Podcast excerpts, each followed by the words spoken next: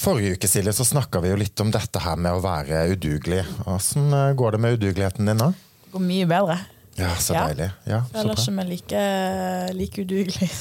Nei, det er godt. Jeg har troa på det. Ja. Vi sitter altså her på Universitetet i Agder i dag med deg, Bjarte. Du er jo en uh, mangfoldig mann. Du er både far og prest og sjakkspiller osv. Og så er du faktisk òg Kent sin første kunde når han begynte som personlig trener.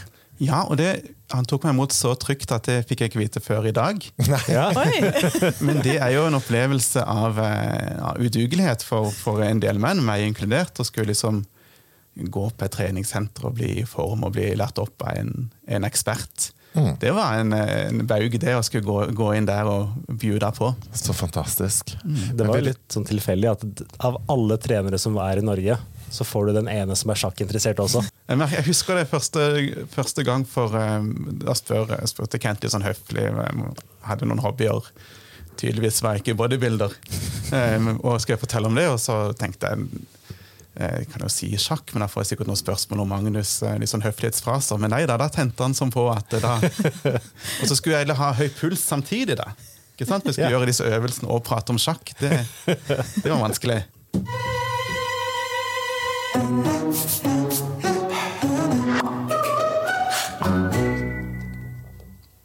Ok, Det mange kanskje ikke vet, det er jo at på søndag så er det farsdag. Alle burde jo vite det. Alle burde jo vite Ja. det. Så hvis du som uh, hører på nå, uh, du har noen dager til det, og raske sammen et eller annet uh, til din far. Bjarte, du er jo i et prosjekt. Hva heter det? Ja, jeg har jobbet mange år i, i Kirkens Bymisjon. Nå er jeg her på universitetet, men har fortsatt med et prosjekt vi kaller Komplisert farsdag. Og da eh, i februar Komplisert eh, morsdag. Ja, for farsdag og morsdag er jo kanskje ikke så lett for alle. Nei, og, og det vi tenker er at det er en dag som er eh, til glede for, for mange, heldigvis. Og de skal få lov å fortsette akkurat sånn som før. Og, og lage kaker, skrive kort og, og hedre disse mødrene og fedrene som står på. Men så skal vi også prate sant om livet. Og det at eh, livet er komplisert for mange, eh, messig, og også for noen så er de nære relasjonene de som er mest komplisert. Det ønsker vi å, å sette, sette ord på. og ha noen, noen samlinger da i Kirkens Bymisjon i Kristiansand hvor, hvor de kompliserte relasjonene har fokus. Så hvem er det som kommer på en sånn samling, da? Det er jo et eh, åpent eh, arrangement. Åpent gratis arrangement, men hvor vi skriver at det er spesielt for de som er berørt av tematikken. Så da vet vi at det er noen som, noen som selv har kompliserte relasjoner til sine foreldre. Eller at de har en nær, en nær venn som, som har det. Eller at de er, eh, er foreldre som, som syns at de relasjonene til, til barna har vært, eh, vært vanskelige. Men hvilken verdi har det da å møtes i dette? Jeg kan jo se for meg at det er jo selvfølgelig gjenkjennelse, og litt det der med at en får en tilhørighet, man kanskje ikke står så alene i det. Ja, så Første gang vi, vi hadde det, var det et, et ganske heftig, eh, heftig tema. Hvor Martin eh, Eia Reveheim har skrevet en bok om sin voldelige og alkoholiserte far. Faren er nå, nå, nå død, men hadde da det som en sak, boksamtale om sin selvbiografi og sin, sin historie. Som er sterk eh, i seg sjøl. Han, han har mange sånne mm, samlinger, men knytta opp mot komplisert farstak, farsdag. Mange som hadde kjent på lignende tematikk i sitt liv. Å sette ord på det og ha et fellesskap tenker jeg er en verdi i seg sjøl. Så kan jeg si tusen gode ting om, om kirka. Men det kan også være et sted for, for eh, fasade, der en skal ta seg sammen, eh, komme på julaften eller dåp eller bryllup og late som alt er fint. Eh, og ta på seg det fine tøyet og det stive smilet. Og så er livet mye mer enn det. Så jeg tenker en ekstra god grunn til at noe i det kirkelige landskapet da, løfter frem det som er messig i livet. Men du er jo far sjøl. Ja, Er du en vellykka far, eller? jo, men en vellykka far. En trebarnsfar som står midt i eh, småbarnslivet og den, eh, den spagaten. Eh, og hvor det er det flotteste i livet. Eh, og, og hvor man også blir, eh, blir sliten. ikke sant? Men hva er din strategi som far? Kjærleik. Kjærleik. Kjærleik Ja. og, Det er og, kjærleik og, og humor. Og nå eh, har jeg en på to, og, og så har jeg en på syv og en på, på ni. Så det er et aldersspenn, da. Men gjør så godt en kan. Og, og hver uke så, så kjenner man på mislykkethet også. Og, og vellykkethet. En sånn god, en god miks. Hva tror du har endret deg mest etter at du ble far? Som person? Nå, ja, nå ble vi foreldre sånn midt i 30-årene, så vi har rukket å bli voksne og, og sære før det. så, så, eh, så det har jeg med meg. Særheten har jeg med meg ennå. Men det er jo en total forvandling av hva som er, hva som er viktig i livet, og prioriteringer. Eh, En har mye mindre tid til, til seg sjøl, men finner likevel seg sjøl i de relasjonene. En sånn flott ambivalens der, da. Kent, du er jo ikke far. Nei. Men du har jo i hvert fall eh, sagt til meg tidligere at du kunne tenke deg å bli far med tida. Ja. Åssen far eh, tror du du kommer til å bli? Altså, hva jeg sier nå, hva som skjer, kommer sannsynlig til å være ganske forskjellige ting. Vil, vil jeg tro. Høyst sannsynlig. Eh, jeg ser for meg jeg kommer til å sette veldig tydelige rammer på hva som er greit og ikke greit. Og være veldig nøye på det. Det er noe jeg ser for meg selv. Og være veldig strukturert på de tingene. Men jeg tenker også som en generell ting å ha det gøy. Å lære å erfare og få kjenne på ting. og ha, få grenser samtidig som du har grenser, på en måte. Så du får muligheten til å teste fram. Jeg Er veldig god på å si nei til ting også, så det blir jo veldig spennende å se hvordan den balansen går. Og hvordan jeg kommer til å håndtere det for dere, dem sin del. Den, dem, én flertall, vi får se. Og du får testa tålmodigheten din hakket mer. Ja, jeg har jo kjent for hver gang ha ganske god tålmodighet i utgangspunktet. Så det, det kan nok bli spennende. Den tålmodigheten kan ødelegges med, med lite søvn og lite egentid. Ja, det er lett å være smart nå uten å egentlig få kjenne noe særlig på det. Men Kai, du da? Hvordan er, hva er din strategi Altså, som jeg er jo far Ja? på, eller til to gutter på 12 og 13 år, og jeg syns det er eh, dritvanskelig på mange måter. For dette tenker jeg at det å skulle være en motvekt til den eh, Ja, både i den utviklinga og hormoner og hele den pakka der. Nå er jo de liksom den mest sånn eksplosive fasen når det kommer til det. Men òg det der med å kunne være en motsats til alt det de blir eksponert for, syns jeg er veldig vanskelig. Både sånn i forhold til holdninger og verdier. Dette her med må jo bare ærlig innrømme at det er et mye større sånn kroppsfokus, og du har sosiale medier, vellykkethet, eh, jawline. Det å ha markert kjeve, det er jo en verdi nå. Og jeg syns jo det at for et barn da på 13 år å bli eksponert for det, syns jeg er kjipt. da. Og så er det vanskelig da å være en eh, motvekt til det. Men så må en jo bare gjøre så godt en kan. Men jeg tror jo også det der med at ja, å kunne bistå så mye en kan. Og så har jo jeg en veldig tro på det å være åpen og ærlig. Og jeg ønsker jo at mine barn skal komme og si ifra, kontra at jeg skal oppdage. Og det tror jeg er en veldig viktig verdi. Jeg har veldig sans for den, for den inngangen med at du sier at det er dritvanskelig. Og så på fasaden så, så vil vi si at eh, din, dine relasjoner det er jo det viktigste, og det er så flott og fantastisk, og det er som gjør meg til et virkelig menneske. Og alt det som er fint, og, og mye av sannheten, heldigvis. Men så er det alle disse periodene i et barns liv, og det de gjør med deg som, som mor eller far, er jo krevende og vanskelig og tøft, og noen også som sliter en ut. Og uten å, er det to fallgruver, da. Jeg mener ikke noe elendighetsbeskrivelse, men heller ikke den, den fasaden. Snakke sant om livets eh, kompleksitet har jeg veldig sans for. Og det ser jeg jo sjøl òg, når en er i fora med andre foreldre. Så er jo jeg òg åpen og ærlig. Det er jo mine øverste verdier generelt sett. Men jeg er jo òg åpen og ærlig om det. Og jeg ser jo at veldig mange syns det er litt sånn forløsende og egentlig sånn derre Å, så deilig at noen bare sier det sånn som det er.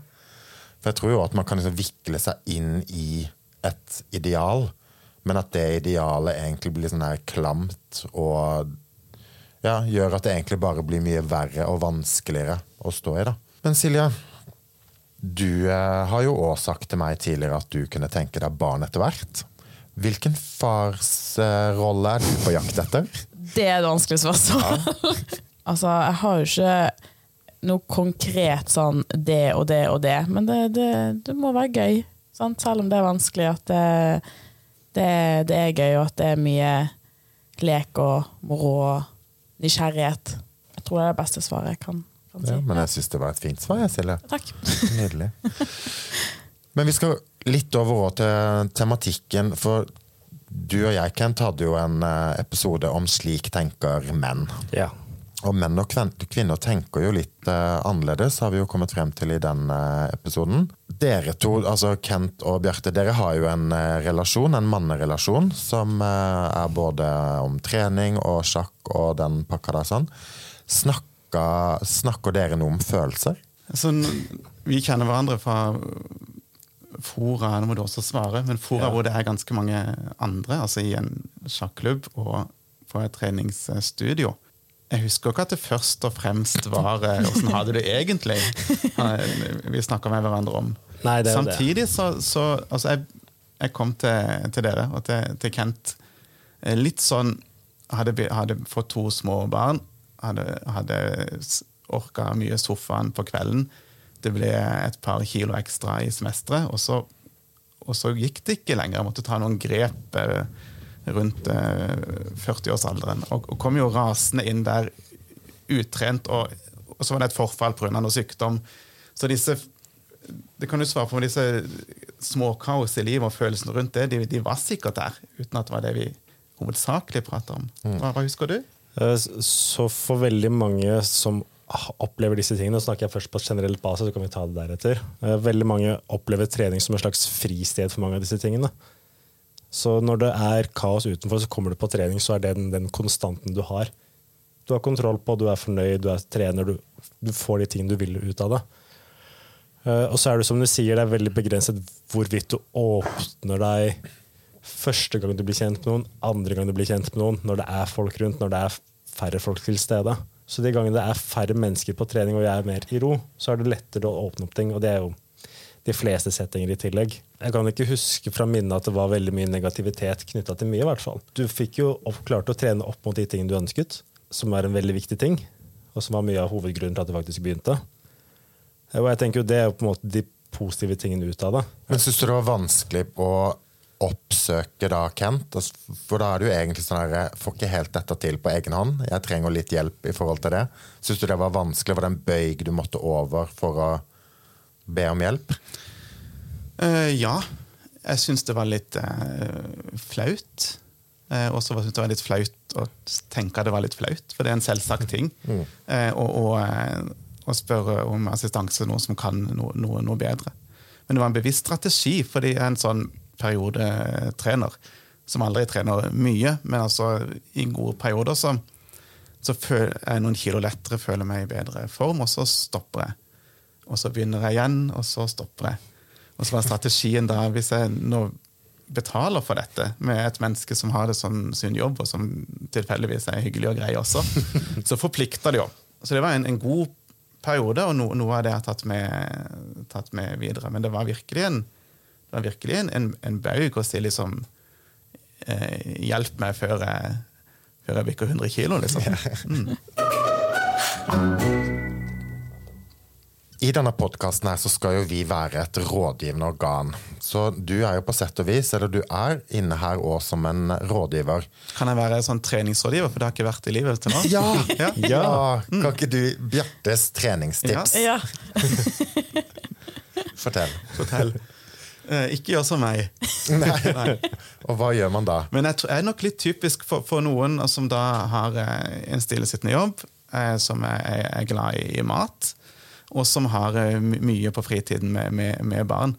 Eh, Så å gjøre noe som jeg- selvfølgelig, dette vet dere jo, men som er en rutine, som kan gjenta, og som jeg synes er ganske ålreit. Det er jo de tingene jeg prøver. Og du klarer å holde deg standhaftig og koken til det? Nei. Men du prøver. Jo, men så er, så er, Men, så blir det ikke så veldig gærent heller. Ikke sant? Jeg ligger der eh, midt i, på ingen måte noe, noe suksess. Men samtidig så tenker jeg også at når man er innom denne tematikken her, da, så er det jo noe med altså å ha en standard, men at den standard behøver nødvendigvis ikke være så veldig høy. da. Men at man egentlig bare har én standard som man bevisst bare Ok, den går jeg aldri under. da. Og vi har jo snakka om dette her mange ganger med at i hvert fall når det kommer inn et nytt medlem og skal melde seg inn på et treningsstudio, så går man jo så hardt ut, og det er liksom fem ganger i uka man skal holde på.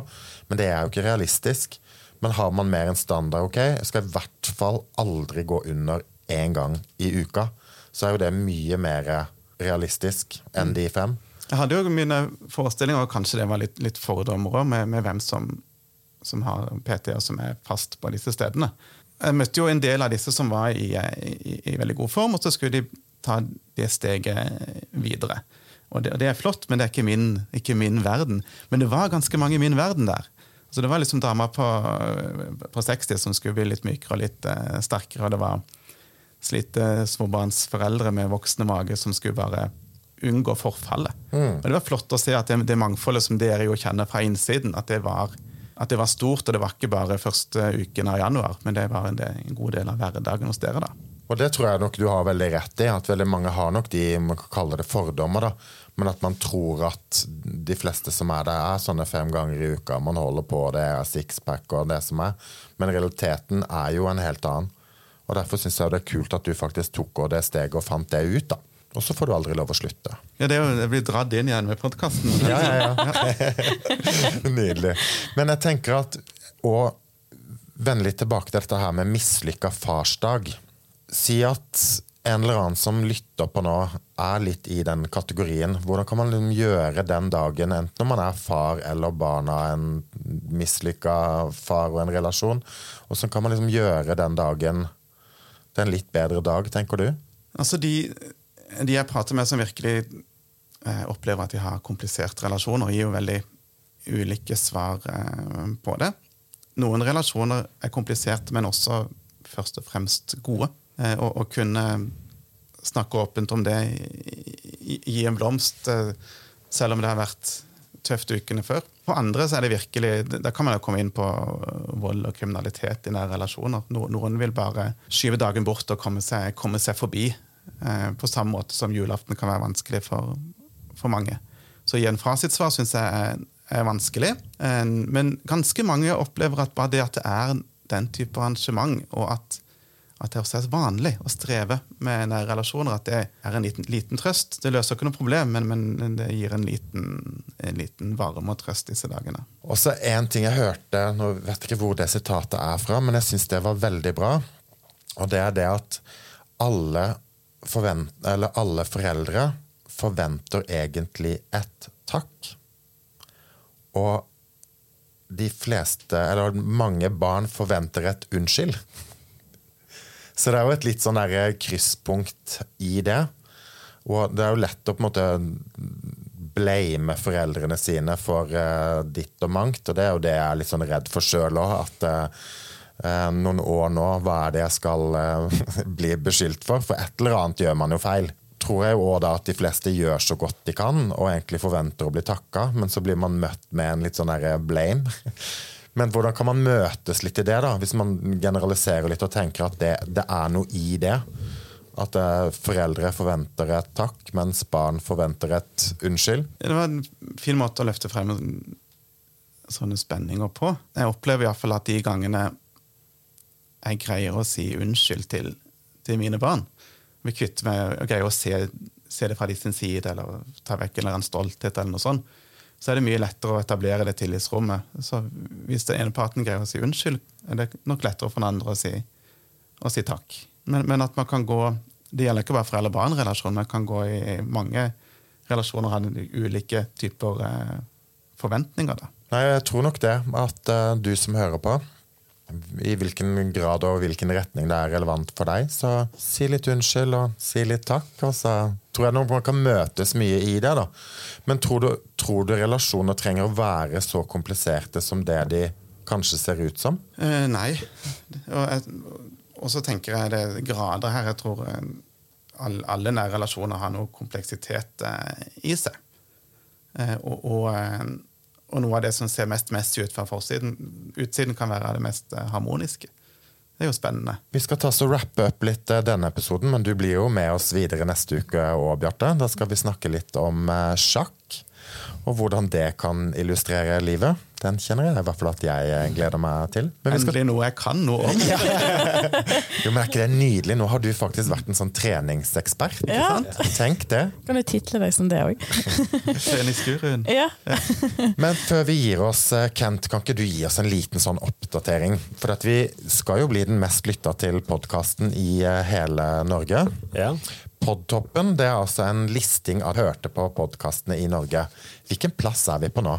Nå er vi på 493. plass, som vil si at vi er én plass over 494. plass. Det er fantastisk. Ja, vi er gode.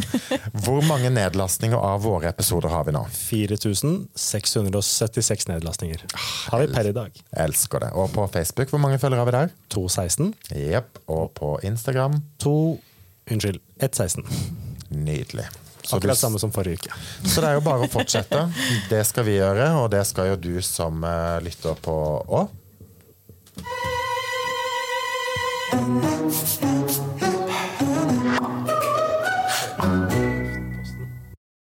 Du har hørt en episode av Kai og Co. med Silje, Kai og Kent. Målet med denne podkasten er å hjelpe deg til å bli et litt bedre og klokere menneske hver eneste torsdag. Ønsker du å bli litt bedre kjent med oss? Følg oss på Instagram og Facebook. Stay in the game.